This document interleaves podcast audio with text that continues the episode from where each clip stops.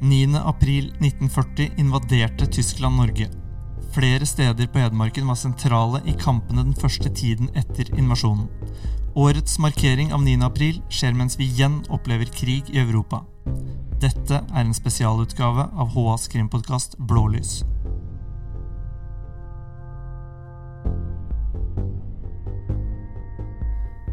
Det er nå 82 år siden uh, Tyskland uh, invaderte Norge, og jeg, Asgeir Høymoen og Rune Steen Hansen er i podkaststudio for å snakke litt om hva som skjedde i Norge for 82 år siden, men samtidig så har vi også et helt annet bakteppe på årets 9. aprilmarkering, Rune. Det skjer ting i Europa som vi ikke har sett omtrent siden 40-tallet.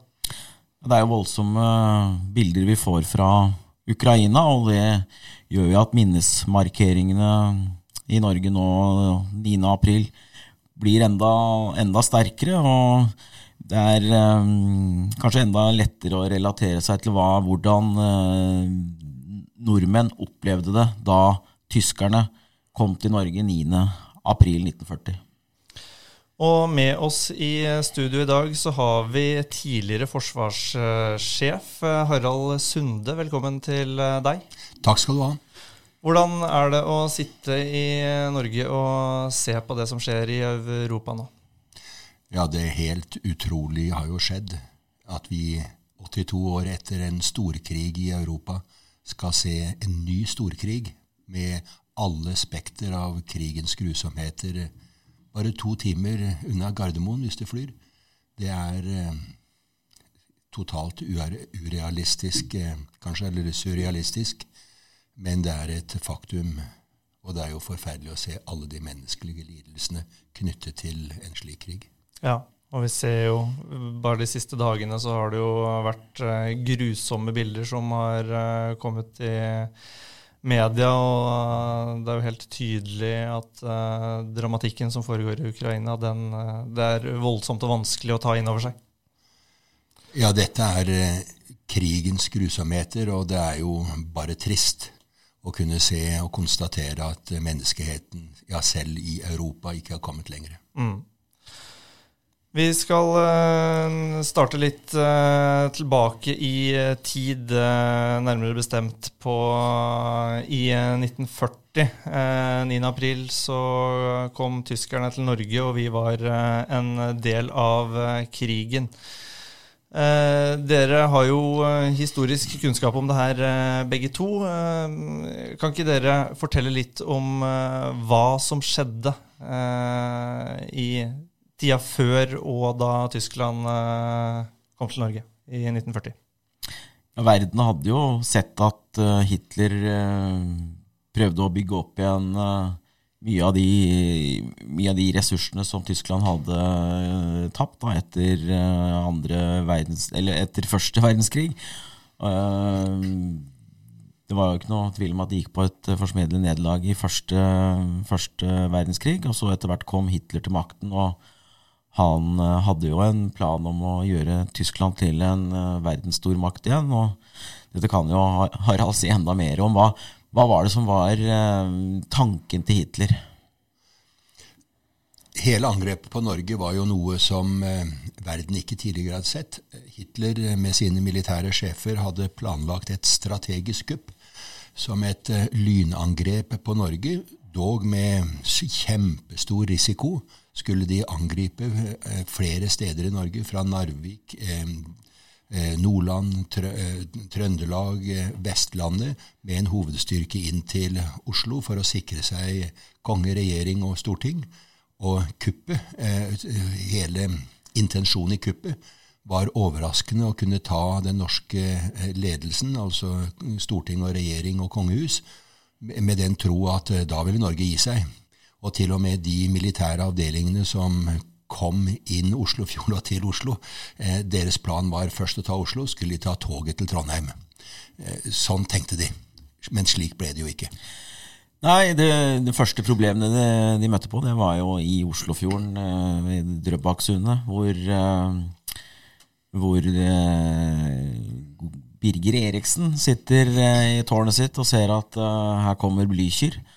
Og han fyrer av, og det ender jo med at uh, Blücher går ned. Men uh, tyskerne kommer seg jo i land til, uh, til Oslo etter hvert, og da starter jo uh, klappjakten på det norske kongehuset og de, de, Norges toppolitikere som ser hva som er i ferd med å skje, og de kaster seg av gårde et, på et tog mot Hamar.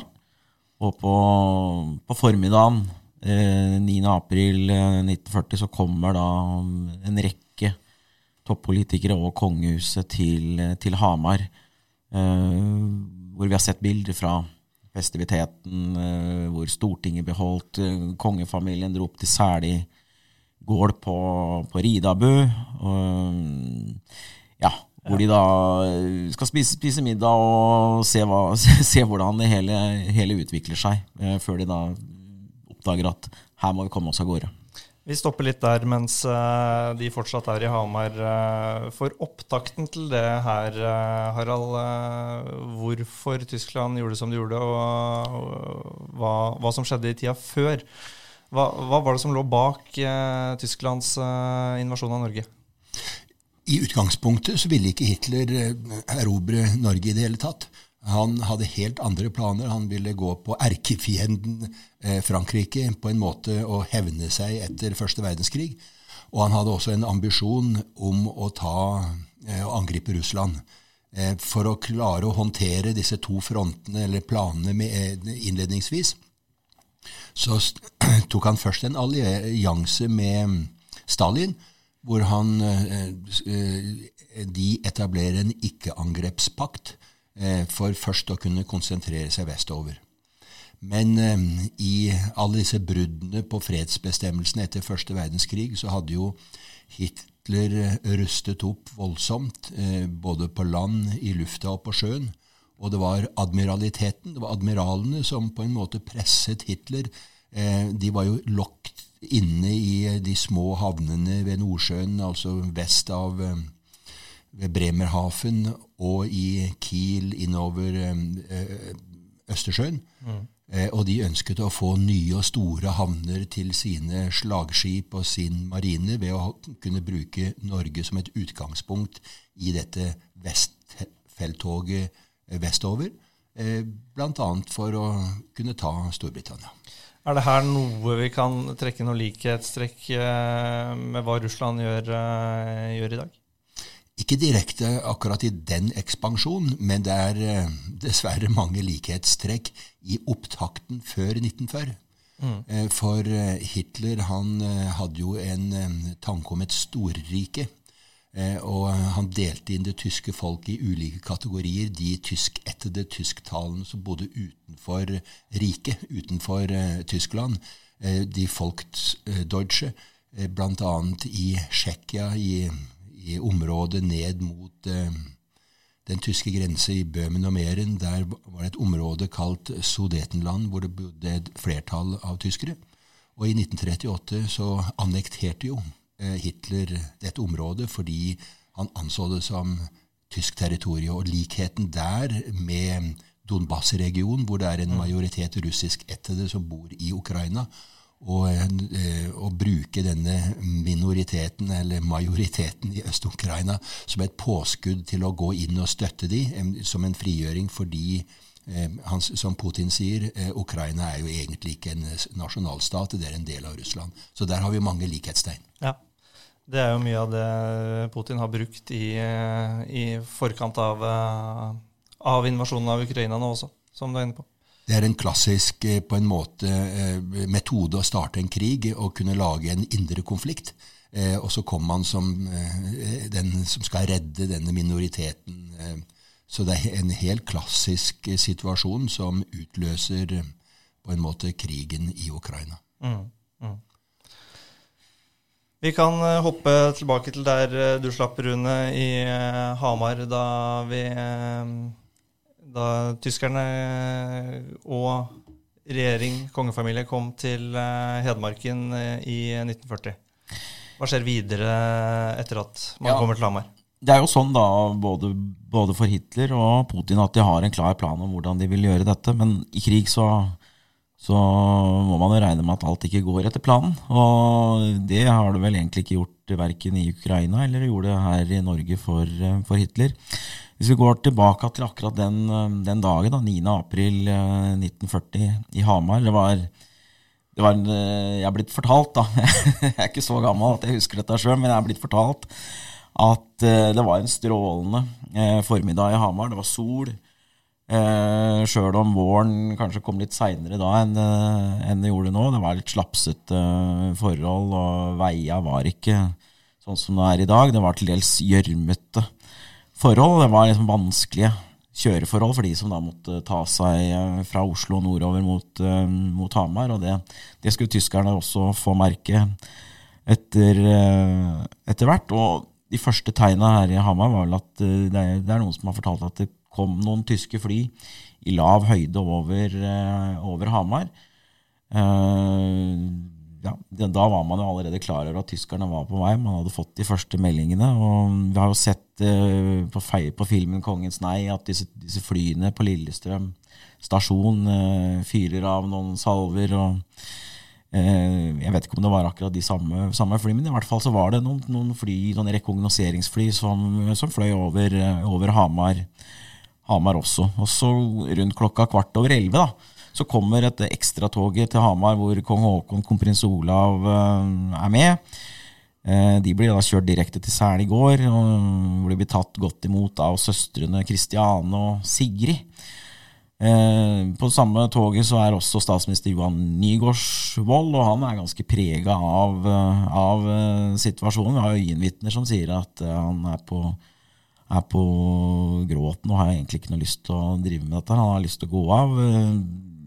Så er, så er det vel stortingspresident Hambro som får jobben med å bearbeide Nygaardsvold og sørge for at han er også med når Stortinget settes på, på, på festiviteten. Så vi er i en situasjon nesten der, de, der statsministeren har du lyst til å overgi seg nesten før det har eh, begynt? Dette kan jo Harald enda mer om, så du kan jo gå litt inn på den politiske situasjonen som var i, i Norge. Man var jo veldig lite forberedt, i hvert fall. Ja, Regjeringen hadde jo valgt eh, nøytralitet, ikke bare den norske regjering, men det var i Norden så på dersom det nå kom en ny konflikt, så var det viktigste å holde seg utenfor krigen. Akkurat eh, slik man hadde gjort i første verdenskrig. Så det var ikke bare den norske regjering som først og fremst satset på nøytralitet. Men det førte jo til eh, at man vegret seg på en måte å ta stilling til problemet. Og i årene før krigen så hadde man bygd Forsvaret kraftig ned. Dog hadde man begynt å bygge det opp igjen, men tiden var for knapp. Man hadde bestilt eh, en del nytt utstyr som ikke var ankommet. Eh, så tilstanden i, i Forsvaret i 1940, den var dårlig.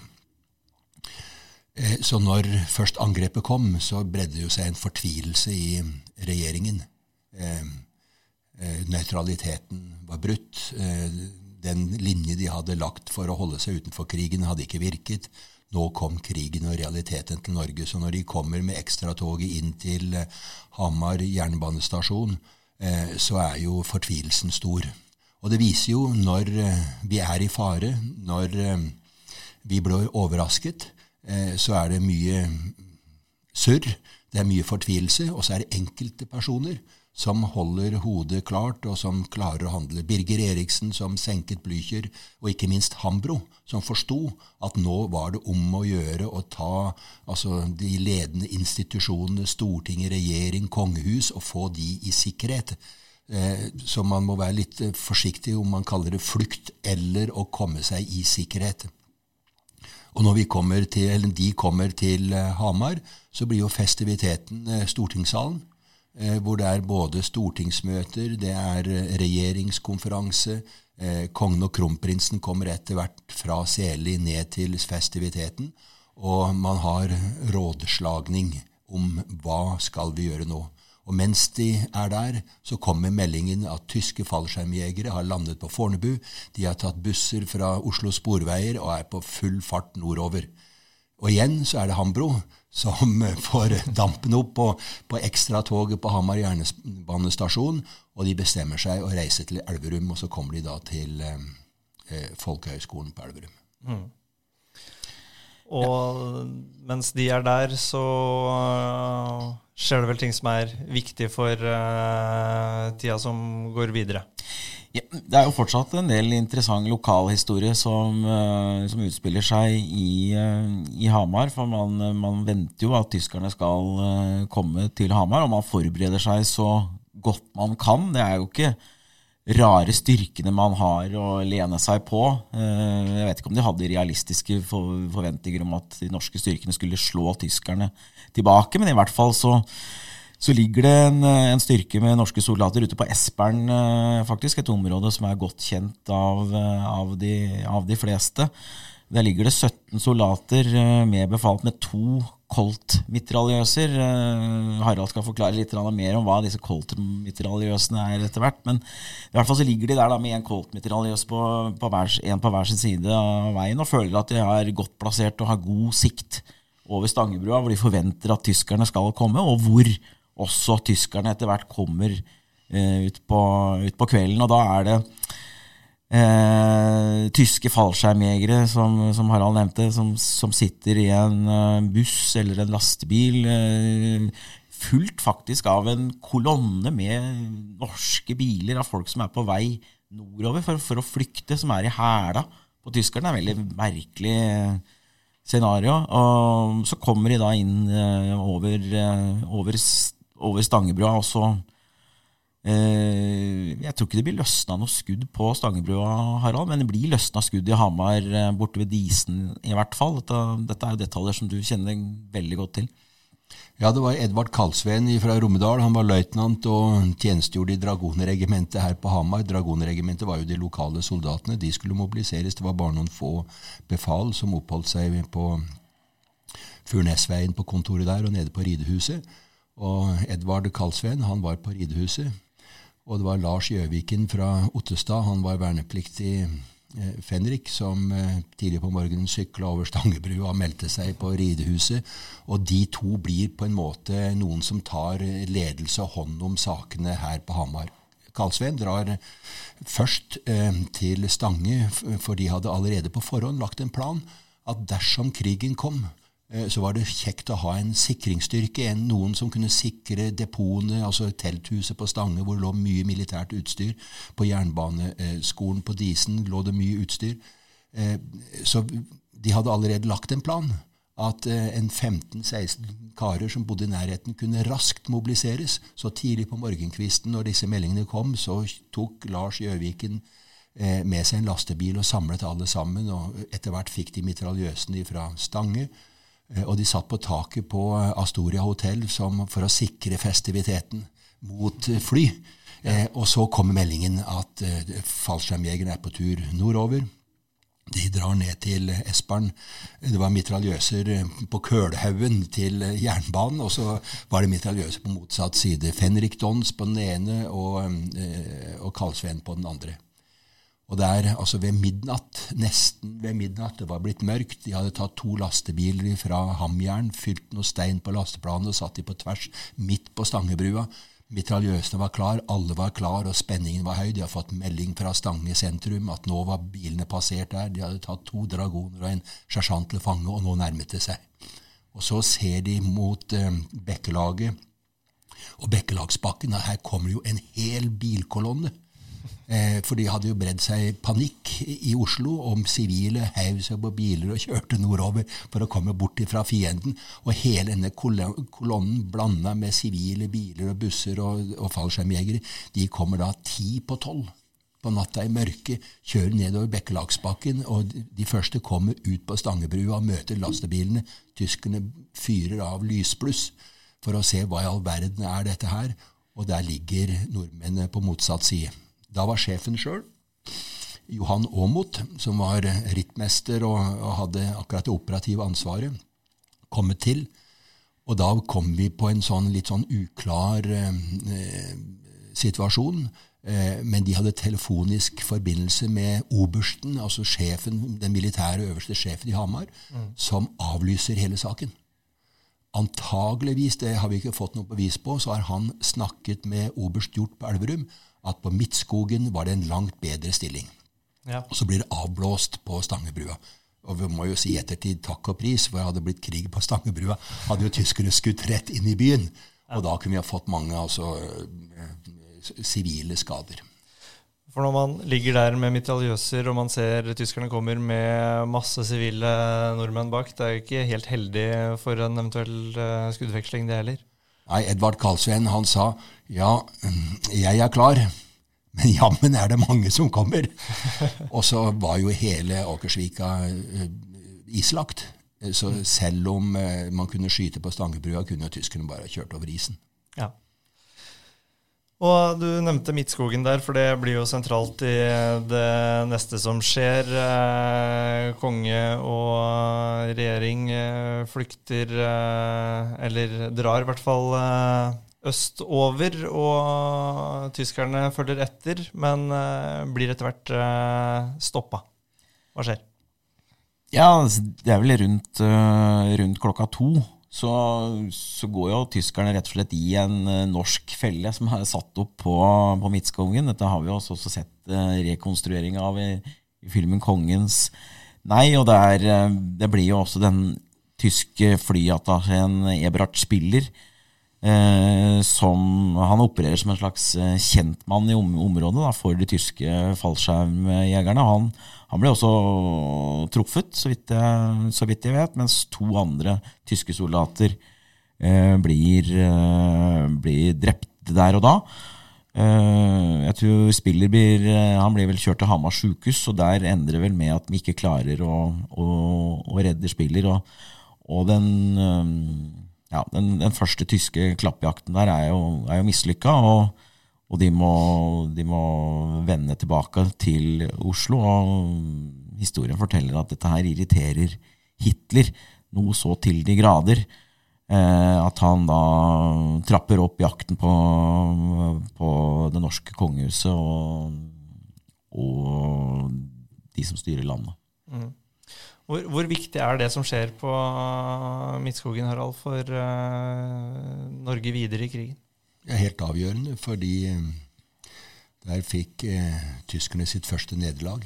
Mm. Spiller dør jo på sykehuset her på Hamar, og det, tyskerne returnerer helt tilbake igjen til Oslo og gir da rom eh, eh for regjering og kongehus å omrømme seg litt. Grann. Eh, et viktig, ikke intermesso, men viktig, eh, en viktig sak er jo på, på kvelden på 9. april så går jo Quisling til NRKs studio i Oslo og eh, foretar statskupp på radio.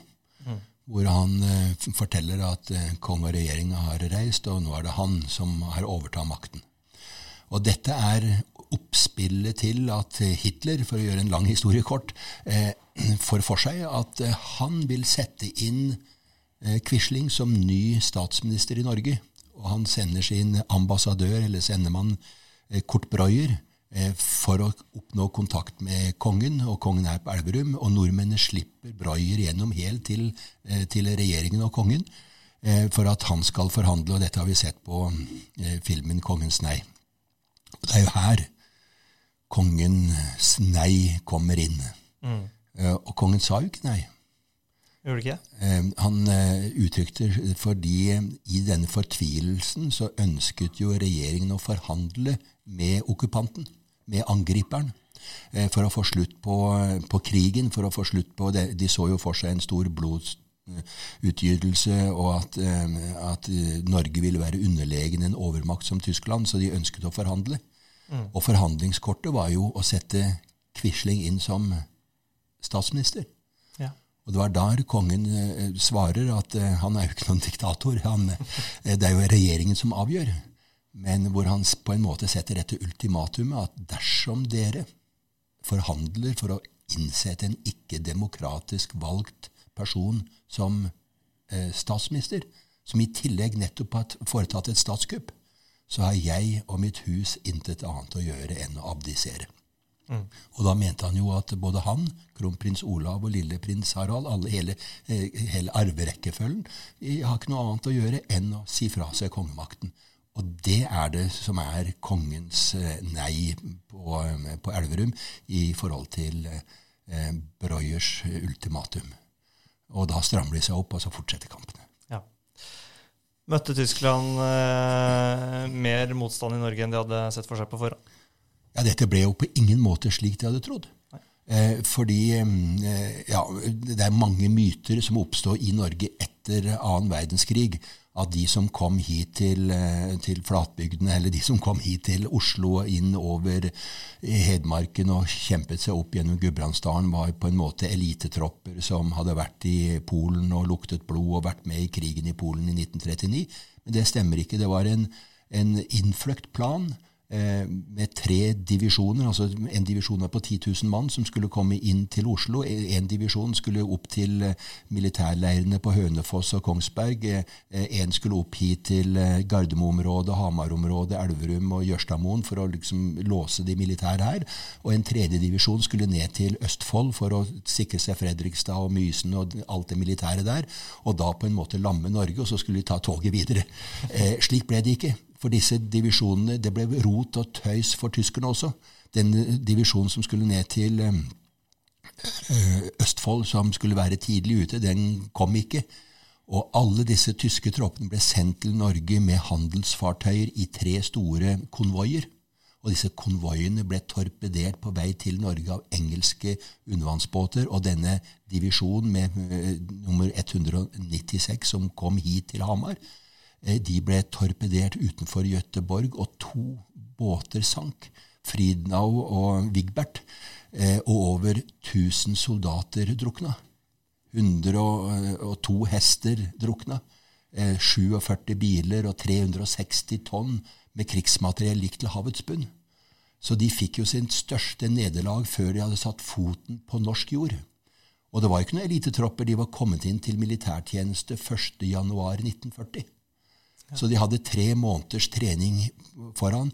Og dette fører jo til at de opplever frustrasjon, at de får en helt annen motstand enn det de hadde forventet. Hitler hadde jo satt, eh, sagt i sin planleggingsdirektiv for angrepet på Norge at dette skulle være et vennlig angrep. Jeg har aldri hørt om det, men det står svart på hvitt på Hitlers eh, planleggingsgrunnlag. Eh, og de var fortalt at eh, nordmennene ja, det var, eh, det var, jo nesten sånne arier eller tyskere, så de, de, var våre venner. Og så opplever de å bli skutt på nesten bak hver eneste veisving, og de møter motstand, og frustrasjonen øker. Mm. Og vennlig blir det vel ikke etter hvert? Nei, og, og, dette gjør jo bare som en sak Det var jo både skytterlag og, og andre som deltok i kampene. Og I denne frustrasjonen så begynner de å undersøke hus og gårder rundt om eh, etter hvert som de rykker fram fra Oslo og nordover. Og de oppdager plutselig at på, på veggen på gårdene henger det jo et armégevær. Og når de begynner å ransake borti hjørneskapet og rundt, så finner de jo blyspissammunisjon, altså jaktammunisjon. Og så kobler de Dette er jo uhørt i Tyskland, at en bonde skal ha et armégevær hengende på veggen. Men i Norge så var jo Krag Jørgensen armégeværet det var jo den beste elgbørsa som fantes. Og så krysskobler de dette feil og tror at uh, her kjemper de sivile mot tyskerne. Det gikk så langt at uh, de også begynte å trykke opp flyveblad og slapp ut flyveblad både over Hamar og Brumunddal som sier at skutt blir den. Sivile som uh, er med og slåss mot oss, fordi det er strengt forbudt i henhold til Genévekonvensjonen. Også denne jaktammunisjonen er jo da forbudt. Og det fører til at denne frustrasjonen blir enda større. Mm. For selv om uh, tyskerne trekker seg tilbake etter slaget ved Midtskogen, så er ikke begivenhetene på Hedmarken og området ferdig med det. De kommer tilbake. Ja, eh, tyskerne omgrupperer seg, og de starter en ny, uh, ny offensiv som uh, etter hvert kommer til, uh, til, Hedmarken igjen. Og fra 14. april til 21. april, den uka der, så er det ganske dramatiske tilstander på, på Hedmarken. Fra Strandlykkja i sør og og til uh, Lundehøgda og enda litt lenger nord. Uh, Lundehøgda, der er jo Harald Sunde ganske godt, godt, kjent.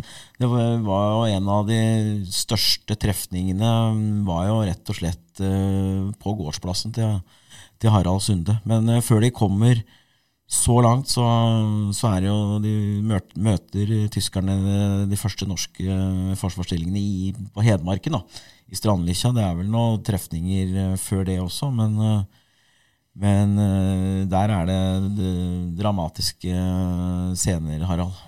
Ja, og situasjonen var jo den at Norge måtte mobilisere. Alle, Den gangen var det jo bare gutta som var i militæret. De var jo sivile. Så de måtte få et, et, varsel, og så måtte de møte, og så måtte de hente børse og uniform og, og alt utstyret de trengte for å gå i krigen. Og dette tok tid, og i tillegg så så fomlet jo regjeringen med å utsende mobiliseringsordre. Og når de først gjorde det, så sa de at, eh, gjorde det på en stille måte, tilskrev eh, og sa at eh, fremmøtedagen var 11. april, altså angrepet den 9., og fremmøtet var den 11. april. Takk og pris, så ble jo disse angripende styrkene til Oslo heftet gjennom at flere båter ble torpedert, og fallskjermjegerne fikk seg en på en nesestyver på Midtskogen, så de dro tilbake igjen og ga nordmennene litt tid til å mobilisere. Og her i vårt distrikt så var det jo Dragonregimentet, våre egne soldater fra Ringsaker, Furnes, eh, Løten og Vang og, Stange, som mobiliserte i og rundt eh, Hamar, og som etter hvert eh, egentlig skulle dra i krigen på hest, og ri på hest. Eh, for det var dragoner. En dragon er jo en, eh, en ryttersoldat. Men Jørgen Jensen, sjefen, han fant ut at nei, den hestens tid er forbi, så han sendte gårdbrukere tilbake igjen med hestene sine, og så tømte de Hamar for biler. Eh, lastebiler og drosjer og alt det de kunne få tak i, og så ble de motorisert og dro sørover. Og allerede før krigen hadde jo nordmennene laget noen planer, og nede ved Morskog-defilé, kalte de det, nede ved Strandlykkja, der hvor eh, det er trangt på begge sider av Mjøsa, hvor fjellet på en måte faller ned mot Mjøsa, og det er trangt, der egnet det seg for uh, å kunne gjøre det første forsvaret. De sprengte Minnesundbrua klokka ti den 12. april. Eh, og, eh, og, eh, og, dro ned til Tangen, og etter hvert begynte å fylle opp ved Strandlykkja. Og Strandlykkja, der førtes det kamper fra den 14. til den 17. april, så det gikk jo slettes ikke slik tyskerne tenkte. Det er jo helt utrolig da, at de klarer å holde stand så lenge. Ja da, og det var jo improviserte styrker, og de fylte på etter hvert. Og det er mange detaljer der som, som er interessante å studere, men tyskerne laget en slu plan. Fordi eh, denne styrken som skulle til Østfold, den kom jo ikke. Og denne divisjonen som skulle nordover hit til oss, eh, den sendte en, eh, en, styrke ned til eh, Østfold. Og når den hadde ordna opp i Østfold og kom nordover igjen, så gikk den opp forbi Feiring. Og tidlig på morgenkvisten 17. Eh, april så står rittmester Johan Aamodt som var her ved Dragonregimentet, han leder Strandekjær-stilling. Så ser han over Mjøsisen, og så ser han 600 tyskere som trekker med seg kanoner og går over Mjøsisen nord for Strandekja og sør for Tangen. De traff akkurat inn på, på Espa, midt imellom disse styrkene. Ren slumpetreff. Og kunne avskjære eh, stillingen. Og dermed så løsna det på, på Strandekja. Det var ikke soldater nok til å kunne ha en stopp på flatbygdene, så de var om å gjøre å skyte og lage mellomstillinger og, og, og, bremse de mest mulig, inntil man kom inn i en sånn flaskehals igjen, og den flaskehalsen fant de på Ring på Lundehøgda. Og der er jo dere godt kjent eh, begge to. Eh, når er det man kommer eh, så langt? Det skjer den, altså Kampene starter klokka eh, halv tre på natta eh, på eh, lørdagsmorgen den 20. april. Ja. Eh, så langt så hadde jo kampene eh, fra Oslo og opp dit vært haltende for tyskerne, fordi det var så mye rot og virvar etter denne torpederingen i Kattegat så mange hadde mista børsa si og mye av utstyret sitt, så de måtte hente norsk utstyr på depoten i Oslo og prøve å sette denne styrken sammen igjen. Og, var, og, noen måtte gå over Kongsvinger, og noen langs eh, Mjøs, eh, Mjøsa på rv. 50. At det var først når de kom opp hit til Hamar og tverraksen mellom Elverum og eh, Hamar, at tyskerne kunne ordne opp i styrkene sine. Og sjefen, han het eh, Richard Pellengar, var general. Han hadde i mellomtiden rekvirert en erstatningsstyrke for de som hadde druknet i Kattegat. Mm. Og den 19. april da kampene raste i Furnes og mot Brumunddal og nordover, så kom det en helt ny avdeling til Oslo, maskingeværbataljon nummer 13. De hadde vært med på angrepet på Danmark. Der var det ikke kamper, slik at de hadde ikke vært i krig. Og har heller ikke vært i krig tidligere. Og de lå i området rundt København og fikk ordre at det kommer to båter med stridsvogner fra Tyskland til Norge. Dere får haik med de. Mm. Og den 19. Eh, april på morgenkvisten så klappet disse båtene til kai eh, ved Akershuskai i Oslo med denne bataljonen, som senere kommer opp som en erstatningsstyrke hit og deltar på kampene i, på Lundøgda. Og da står tyskerne plutselig mye sterkere enn de gjorde de første dagene der? Ja, de, de, gjør jo det, men de eh, får seg jo en overraskelse når de, eh, når de kommer til, eh, til, Ring rett nord for Moelv. Ved, ved planteskolen på Vea så ligger den første veisperringen. og der er jo de, de norske mitraljørsene stilt inn slik at de, de skulle treffe, treffe perfekt når tyskerne kom i, i mørket. Og det, det, var jo sånn de, det gjorde dem òg. Og det, det, var jo flere sånne veisperringer eh, nede, på, nede ved jernbanelinja, på veien som går ved siden av jernbanelinja. Da. Ikke, ikke riktig så god standard på veien på den, eh, på den tida, men og de veisperringene var, hadde, hadde, effekt. For eh, ja, det, det kommer, en, eh, det kommer vel en tysk eh, motorsykkel der først, eh, Harald, som, som får merke det, den norske ilden. Den norske stillingen består jo også av en bataljon. Det er 600 soldater som har fordelt seg på Lundehøgda og bak på Biskopåsen, altså neste høyde lengre bak.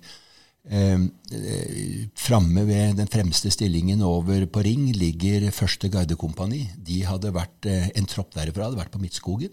De hadde vært et døgn nede på Strandlykkja så hadde fått seg en ilddåp, men de var eh, helt nye soldater. De var de yngste soldatene i garden. De var kommet inn til rekruttskole 1.3, så de hadde bare en, en, en måned pluss militærtjeneste før krigen kom og tok de. Eh, og så var det en annen eh, avdeling som var gutter som hadde møtt på mm, Trandum- og Gardermoe-området, og som også hadde blitt med nordover. Eh, vi har noen veldig gode kilder, for jeg har funnet eh, de rapportene som tyskerne selv skrev. Eh, både sjefen for denne maskingeværbataljonen og en av kompanisjefene som ledet angrepet. Så vi kan rekonstruere hendingene på Ring veldig, eh, veldig godt. Mm. Denne avdelingen, denne maskingeværbataljon nummer 13, ankommer den sprengte broa på Moelv halv tolv på natta, altså fredags klokken 23.30. De har aldri vært i krig. De får ordren tre kilometer nord for broa her er det en norsk fjellstilling. Angrip snarest. Og de får over noen motorsykler over Moelva og kjører i mørket nordover inntil de kommer passert eh, Vea hagbruksskole. Oppi lia ligger eh, første gardekompani. Og på gården Øvre Kjos ligger sersjant Lidvard Krohn, og han er en luring, for han har gjemt mitraljøsene sine, altså automatvåpenet, inne i hus, så de ikke kan se munningsflammene, for det vil jo røpe våpenet. Og det er han som åpner ild, akkurat som Birger Eriksen i stummende mørke beordrer ild og skyter rett foran denne tømmersperringen, og skyter tvers igjennom motorsyklene som da stanset han og hørte lyden. Så får vi si da så lang tid på takk og pris, så hoppet soldaten av og lå i veigrøfta. Så det var ingen som uh, falt der. Men, men, hva slags våpen er det? Hva slags uh, kvalitet var det på de norske våpnene? Vi vet at det var Colt-mitraljøser, vi vet at de hadde maskingevær type Madsen, og så hadde de noe bombekastere. Hva kan, hva kan vi si om det de norske hadde å fyre av med på, den, på den tida der? Det var gode våpen. Eh, grunnvåpenet var jo Krag Jørgensen-gevær. Et uh, uhyre godt gevær. Det har jo vært skarpskyttergevær i skytterlagene helt fram til moderne tid. Det er jo bare noen få år siden det ble avskaffet. Eh, og norske skyttere var eh, veldig gode skyttere. Var, enten, mange av de var jo skytterlag, de hadde lært å skyte i militæret, de hadde gått på jakt og kunne sikte og skyte. Og Jeg har lest mange mange rapporter, og tyskerne skriver i rapportene sine at de var livredde for norske skarpskyttere, for de traff. Maskingeværene, og særlig Colt-mitraljøsene, var jo kraftige våpen og helt moderne. Og var ikke noe tilbake for tyskerne. Men det var to ting nordmenn ikke hadde som tyskerne hadde, som de var livredde, og det var håndgranater og maskinpistoler. Derfor så plasserte nordmennene seg ofte litt på avstand, så de ikke kom innenfor maskinpistol- og håndgranatavstand. Mm. Det blir jo veldig harde, harde kamper. Altså, det er jo litt spesielt da, Harald, at du bor akkurat der det, der det skjer. I, I, dag du, Jeg har jo vært hjemme hos deg, og vi har gått rundt i, i hagen din og på jordet der. og Det er jo akkurat der det skjedde. Ja da, så jeg er jo vokst opp der. så Som smågutt når vi sprang i skauen, så kom vi ofte tilbake med tomhylser og granatsplinter i, i, lomma som smågutter på, på 60-tallet. Så det, er, det, det, det, satte jo sine spor. Mm. Eh, og i hele bygda, eh, når jeg vokste opp, så var det spesielt én eh, ting som var tydelig satte spor i befolkningen. Og det var jo de overgrepene som fant sted. Eh, på Lundehøgda så så henrettet, altså bestialsk henrettet tyskerne mange sivile.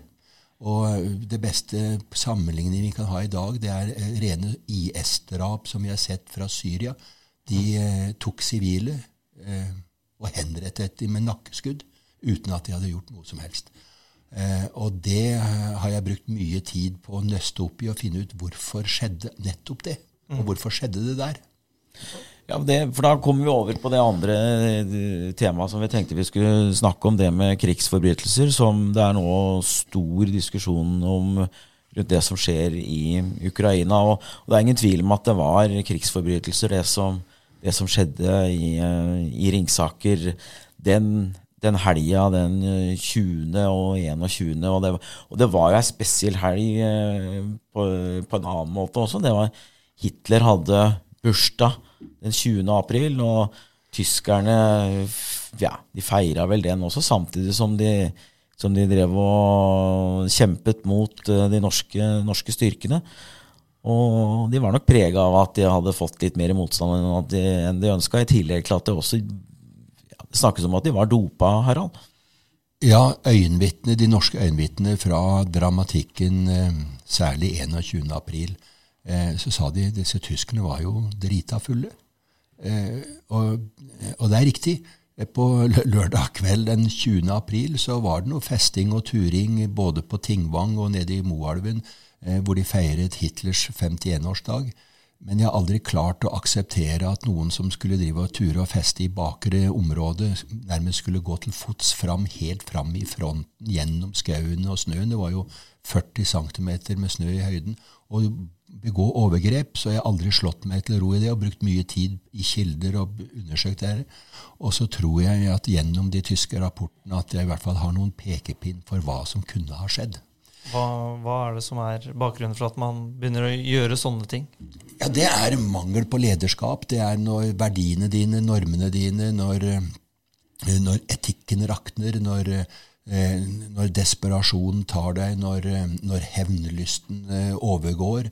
Eh, og det er klart eh, også de som angriper eh, grep her, hadde aldri vært i krig. Det var første gangen de skulle møte noe i mørket, så fikk de ordren angrip nordover. Og disse soldatene som da hadde vært overført fra Danmark, de hadde først blitt purra på Kastell, og noen var oppe ved Kronborg utenfor København. Ned til kaia. Der sto de et døgn og venta på disse båtene. De, fikk, de, visste jo godt at de som seilte over Kattegat sist gang, ble jo torpedert, og over 1000 soldater eh, druknet. Sa, de satt spill våkne og speidet utover havet på tur til Norge. Og så var det motorsykkelturen fra Oslo til eh, eh, Hamar og Moelv da, gjennom hele fredagen 19. april. Så de hadde vært våken i fire døgn. Og tyskerne ga soldatene sine amfetamin for å holde seg våkne. Eh, og en interessant rapport jeg har funnet, var en av kompanisjefene. Han eh, sier at han har med seg en hel koffert med sjokolade. Eh, som han altså fikk tak i og fikk delt ut denne sjokoladen. Han skriver så freidig i, i rapporten sin at 'heldigvis fikk jeg gitt i sjokolade'. Eh, og, eh, og, med nærmere undersøkelse viser det at i 1939 og 1940 så kunne man gå på en vanlig dagligvarebutikk og kjøpe konfekt og sjokolade som hadde tre ganger høyere innhold av amfetamin enn pillene du kjøpte på apoteket. Eh, til og med med reklameplakat at 'spis sjokolade og kom i godt humør'. Så disse soldatene var jo altså stein på krystallmett. Mm. Og det, det, reduserer jo, det, det, sløver jo individene, og det gjør at du blir irrasjonell. Og i tillegg så hadde, var de livredde, for det var deres, deres, første gang i krig. Og så er det sviktende lederskap. Og dermed så på en måte dette med at sivile hadde vært med og hadde da hørt av andre, hadde vært med og slåss de, mot de, de hadde, var sikkert klar over disse eh, flyvebladene. Eh, og de den søndag den 21. april, etter nærkamp, så, så, klarer de å bryte gjennom de norske stillingene og komme rett inn på de to gårdene, Svartungstad og Sæter. Og der var jo folket evakuert, men eh, melkebesetning, altså kyrne, sto igjen. Og akkurat idet de bryter igjennom, så er eh, kara framme og melker og fôrer dyra. Og det fører jo til at eh, tre personer på, på seter blir eh, bestialsk henrettet. Og brødrene Martin og Helmer Skauen på Svartungstad ble også skutt med nakkeskudd. Og så er Martin så utrolig heldig at han overlever. Mm. Og kan være et sikkert tidsvitne etterpå. Ja. Det er jo ei, det er jo ei fryktelig helg, det som, eh, som utspiller seg da. Det, det, er vel 15 norske soldater som blir drept. I tillegg så er det 22 sivile som, eh, som, eh, blir drept. Og mange av dem blir da, blir da henretta. Man kan jo tenke seg hvordan det oppleves for et lokalsamfunn når du får krigen så brutalt inn på, på, på trappa di. Og det er jo det vi ser nå i Ukraina. Det er mange sivile som, som blir drept. Og det er jo nesten vanskelig å forestille seg når man i 2022 ser de bildene som kommer inn fra Ukraina.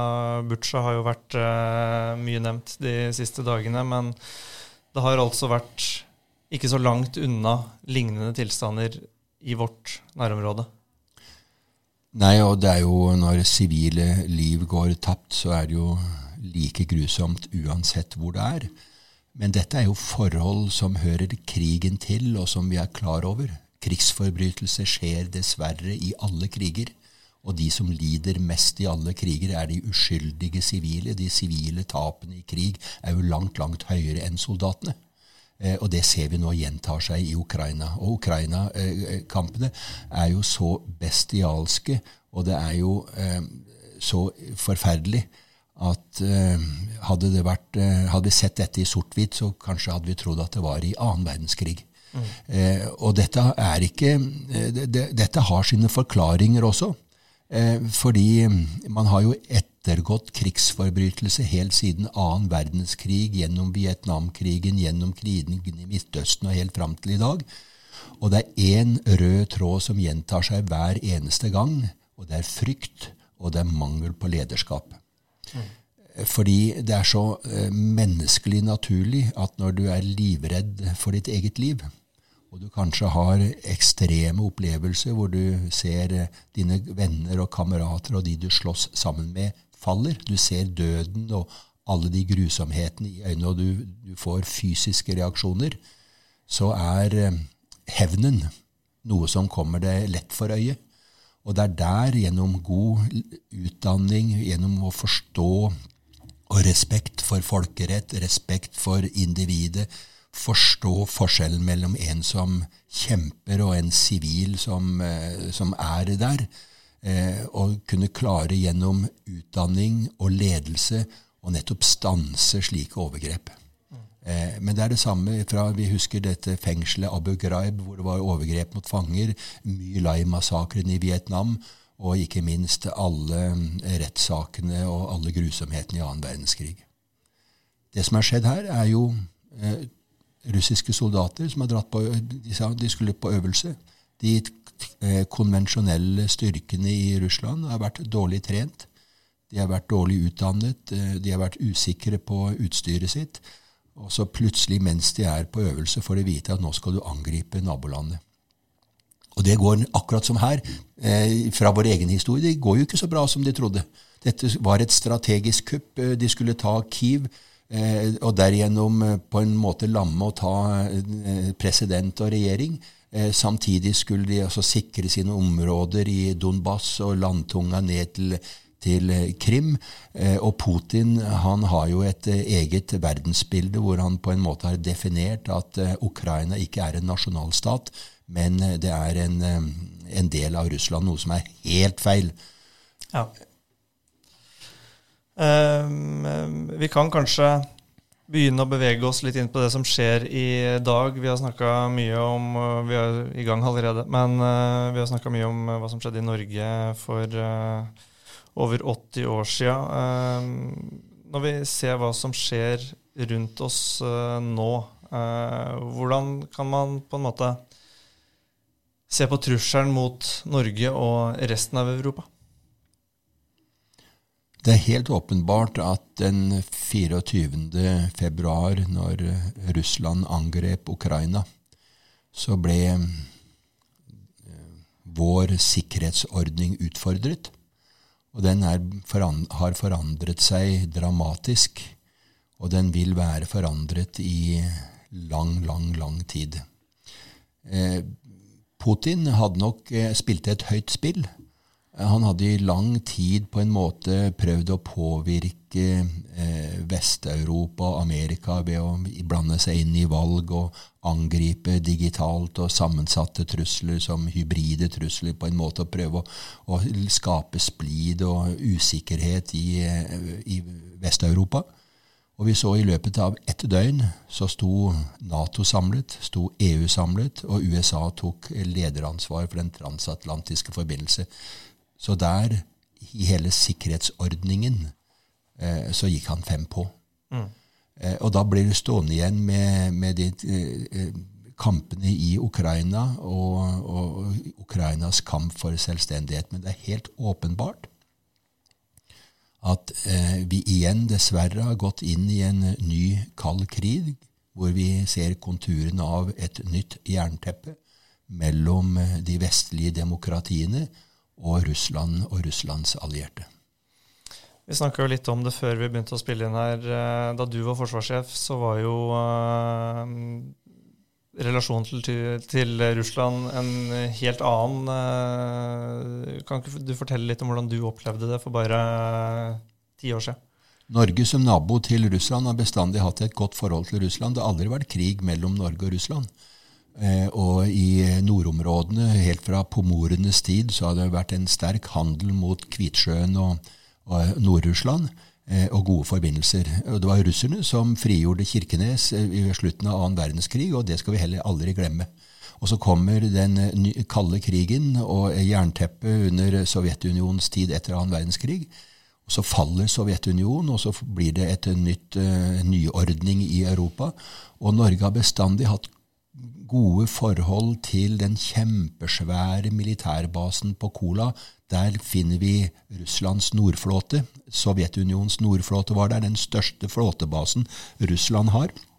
Der har de sine atomarsenaler, der har de sine eh, militære styrker. Og, og, sakte, men sikkert så har Norge opparbeidet seg et godt forhold til eh, de militære på Kola. Og jeg eh, har kjent flere sjefer for Nordflåten, og jeg har vært der og jeg har snakket med tatt imot her i Norge.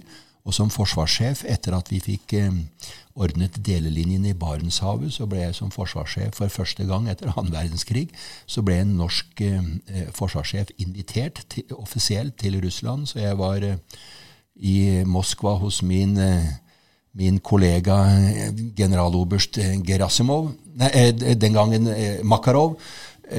og var både i generalstaben og ute og møtte russiske avdelinger utenfor Moskva. Og i St. Petersburg har de sitt operative hovedkvarter i hele Vesteregionen, også det som også har med oss å gjøre.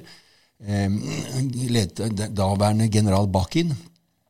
Og jeg var jo og besøkte de, eh, og vi sågar klarte å etablere en direkte forbindelse mellom vårt operative hovedkvarter i, eh, på Bodø og direkte tilbake igjen til St. Petersburg. Så mange ting så veldig positive ut at vi også gjennom militære relasjoner og militært eh, diplomati kunne ha gode forhold til Russland. Og bare et eh, år etterpå, knapt år etter at jeg da ble pensjonert, eh, så angriper eller annekterer Putin Krim, og relasjonene fryses.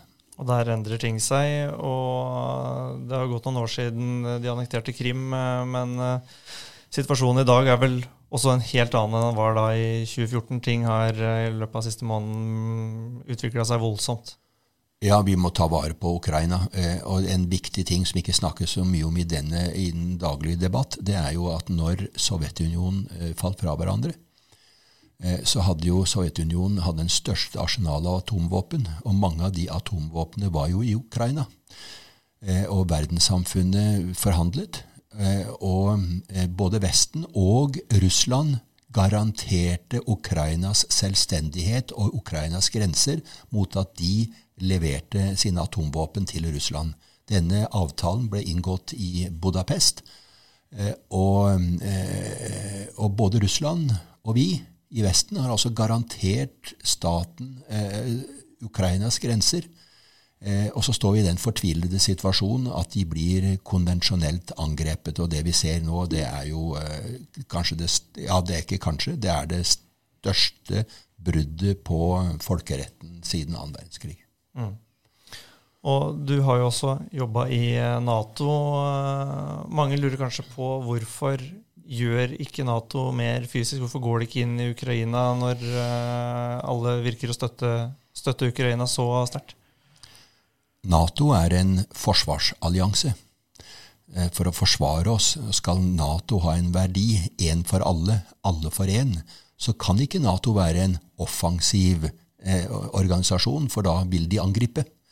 Eh, og når vi nå står overfor en slik konfrontasjon med en annen atommakt, så vil jo ethvert eh, Nato-initiativ inn i Ukraina medføre at vi eskalerer konflikten til en eh, Med sannsynligheten for en atomkrig ville være ekstremt høy.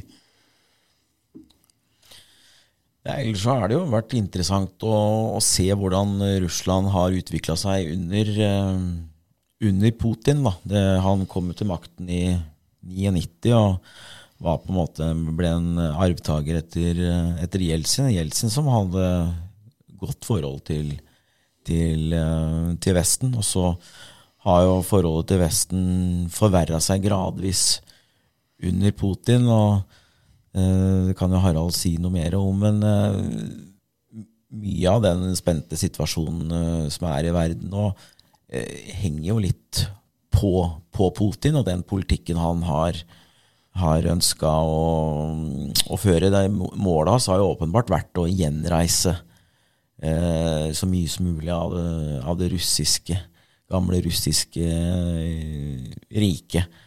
Eh, jeg har jo faktisk eh, Jeg skal ikke si at jeg har truffet Putin, men eh, jeg har vært, vært vært til stede på sammenkomst eh, hvor også Putin, Putin var, i, i, 2019, i eh, Krasjnjarsk i Sibir, en industriby med masse forurensning fra grovedrift og tung, eh, tung, industri. Vanligvis er det veldig sånn ekkel lukt når man er i, i Krasjnjarsk. Men den gangen her, da, i, i 2019, under universiaden stort idrettsarrangement for, for, unge mennesker. Hvor jeg var så heldig å være med som trener for det norske curlinglandslaget. Hvor vi faktisk også, også, vant. Så var Putin til stede på åpningsseremonien. Og Putin brukt, brukte jo har jo brukt disse store idrettsarrangementene som har vært i Russland, for å spre rundt eh, prøver, å, prøver å spre, vise verden da, hvor, hvor flinke og flotte Russland er jeg husker jo Sotsji, den fantastiske åpningsseremonien. Og den åpningsseremonien som, som, var i Krasjna, jeg sto ikke så mye, mye tilbake, den var i litt mindre skala. Men det Krasjniar som møtte oss, var helt annerledes, eh, ble vi fortalt, enn hvordan det vanligvis var. For her hadde man skrudd av alle gruvene. All industrien var stoppet to uker før vi kom, sånn at eh, det skulle være frisk luft når verden kom til, til Krasjniarsk. Og alle russerne hadde gått, eh, alle de frivillige hadde gått på kurs og skoler i, i over et år for å, være, for å vise liksom, For å være godt forberedt på hvordan man skulle gjøre et godt inntrykk. Jeg hadde en, en professor fra et uh, universitet i en, i en, by som var uh, 100 mil unna, unna Krasjnjarsk, som, som fotfølte meg som min, som, som min tolk og hjelper. Og han sto på pinne for meg 24 timer i døgnet.